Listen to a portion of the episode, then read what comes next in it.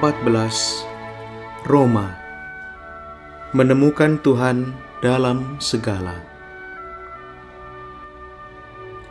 Di Roma, Ignatius Loyola adalah seorang pemimpin umum Serikat Yesus, ordo religius baru pada zamannya. Ordo ini didirikan bersama teman-temannya atas persetujuan Paus dengan Bula Regimini Militantis Ecclesiae tertanggal 27 September 1540. Serikat Yesus didirikan dengan tujuan membantu keselamatan jiwa-jiwa. Para anggota serikat ini dibentuk dengan pengalaman dasar latihan rohani atau lebih dikenal dengan retret 30 hari. Inilah retret agung yang membimbing orang untuk mengalami dan merasakan dalam-dalam rahmat Tuhan yang menyelamatkan serta pada gilirannya bisa semakin mengenal, mencintai, dan mengikuti Tuhan Allah. Pengalaman retret agung ini pula yang akhirnya membimbing Santo Ignatius ketika berada di Roma mengalami kematangan hidup rohaninya yang ditandai dengan rahmat kemudahan untuk menemukan Tuhan dalam segala. Sebelum tiba di Roma, menyambut berdirinya serikat, Ignatius bersama dua temannya, Petrus Faber dan Diego Lainez, berjalan menuju Roma. Kira-kira 15 km dari kota tersebut, Ignatius berhenti sejenak di sebuah kapel kecil Las Torta untuk berdoa. Saat itu, di kapel tersebut, Ignatius mengalami penampakan Kristus Tuhan yang sedang memanggul salib di pundaknya. Didengarnya dari Allah Bapa yang berada di dekat Yesus kata-kata ini. Aku ingin engkau memilih orang ini menjadi pelayanmu. Yesus pun dalam penampakan tersebut menerima Ignatius dan terdengar kata-kata, Aku mau engkau melayani kami. Penampakan ini memberikan peneguhan bahwa kelompok Ignatius dan para sahabatnya memiliki satu-satunya pemimpin, Yesus sendiri. Dan semangat rohaninya adalah melayani Tuhan yang terus memanggul salibnya di dunia. Inilah vision Las Torta yang sering disebut sebagai mistik pelayanan dan menandai hidup, karya, dan cara bertindak Ordo Serikat Yesus. Rahmat istimewa, mistik pelayanan ini dan ditempatkan di samping Yesus yang memanggul salib adalah teman-teman Santo Ignatius serta setiap orang yang ingin menjadi pengikut Tuhan melalui serikat Yesus.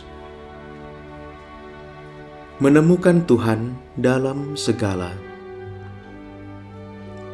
Di Roma, kita kenal Ignatius dengan kematangan rohaninya yang ditandai oleh kemudahan menemukan Tuhan dalam segala. Anugerah ini merupakan muara dari pembiasaan yang mulai dilakukan pada awal pertobatannya di Loyola, yaitu mencermati gerak-gerak batin untuk mengenali roh mana yang sedang mengarahkan dirinya.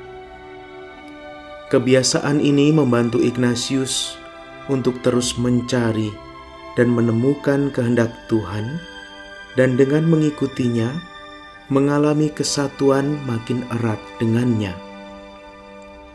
Demikian Ignatius terus berkembang, sehingga di Roma kita menemukan kematangan rohaninya. Mudah untuk menemukan Tuhan. Autobiografi mencatat, malah ia selalu berkembang dalam devosi. Maksudnya, makin mudah menemukan Allah, dan sekarang lebih daripada kapan pun juga dalam seluruh hidupnya. Setiap kali, setiap waktu ia mau menemukan Allah, ia dapat menemukannya. Memimpin dengan hukum batin.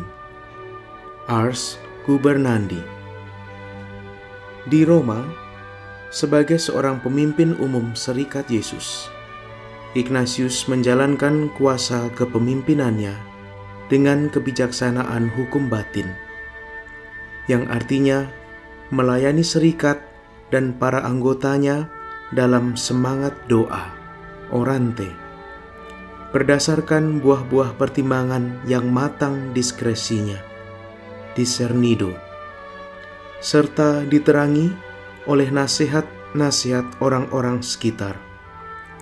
Illuminado por el consejo. Inilah seni memimpin melayani, ars gubernandi, yang diwariskan Ignatius kepada Serikat Yesus dan banyak orang. Dalam cara memimpin dengan hukum batin seperti ini, ditangani dan diperhatikan para anggota Serikat Yesus, kura personalis, dan karya-karya pelayanan Serikat Yesus, kura apostolika, serta dipelihara kesatuan para sahabat dalam Tuhan, los amigos en el Señor. Bagi Serikat Yesus, Ignatius juga menyusun pedoman hidup bersama para anggota. Inilah yang disebut konstitusi. Menyusun konstitusi merupakan salah satu dari rahmat yang dirindukan dan dimohon Ignatius sebelum wafatnya. Dua rahmat yang lain adalah disahkan secara resmi, lahirnya Serikat Yesus, dan latihan rohani sebagai sarana pembinaan rohani gereja. Ketiganya dikabulkan dan memberi ketenangan sebelum Ignatius mengakhiri peziarahannya di bumi ini. Kematian di tangan Tuhan. Akhirnya pada hari itu, 30 Juli 1556, menjelang petang Ignatius makan malam, seperti biasa bersama teman-temannya. Ia juga sempat berdiskusi panjang tentang beberapa hal, antara lain menyangkut pembelian rumah dari Giulia Colonna yang akan digunakan untuk mendirikan Kolese Roma, yang sekarang Universitas Gregoriana. Setelah mereka yang biasa menangani urusan-urusan rumah tangga pergi, orang-orang tidak lagi memperhatikan kondisi Ignatius. Lagi pula, pada saat itu memang tidak merasa ada yang aneh. Mereka pun tidur. Menjelang fajar, 31 Juli 1556. Seperti biasa, seseorang masuk kamar Ignatius. Ketika itu, dia memperhatikan Ignatius terlihat sedang pelan-pelan hendak pergi dengan tenang. Sementara itu, Juan Alonso de Polanco, sekretarisnya, lari pergi untuk memohon berkat paus. Tetapi sebelum Polanco kembali, Ignatius telah mendahului pergi menghadap Tuhan. Rasanya Ignatius sendiri tahu bahwa kematiannya sudah di tangan kematian yang diharapkan dari Allah. Kalau malam itu tidak meminta siapa pun semalaman menjaganya, boleh jadi karena ia ingin melewatkan malam terakhirnya bersama Tuhan yang dirindukan.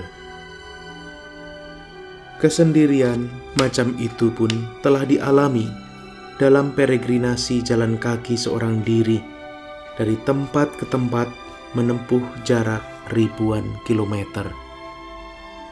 Ignatius mengakhiri peziarahannya dengan mewariskan semangat rohani, menemukan Tuhan dalam segala, dan cara olah rohani yang menggarisbawahi doa sebagai saat dan kesempatan mengenal kehendak Tuhan sebagai obor kehidupan. Dengan dua warisan itu, kita dibantu untuk mengelola hidup dan menjalaninya secara lebih bermakna. Tuhan Allah dimuliakan dan sesama dicintai serta diselamatkan dalam jalinan hidup, menyatu eratnya karya dan doa, aksi dan kontemplasi. Santo Ignatius Loyola, doakanlah kami.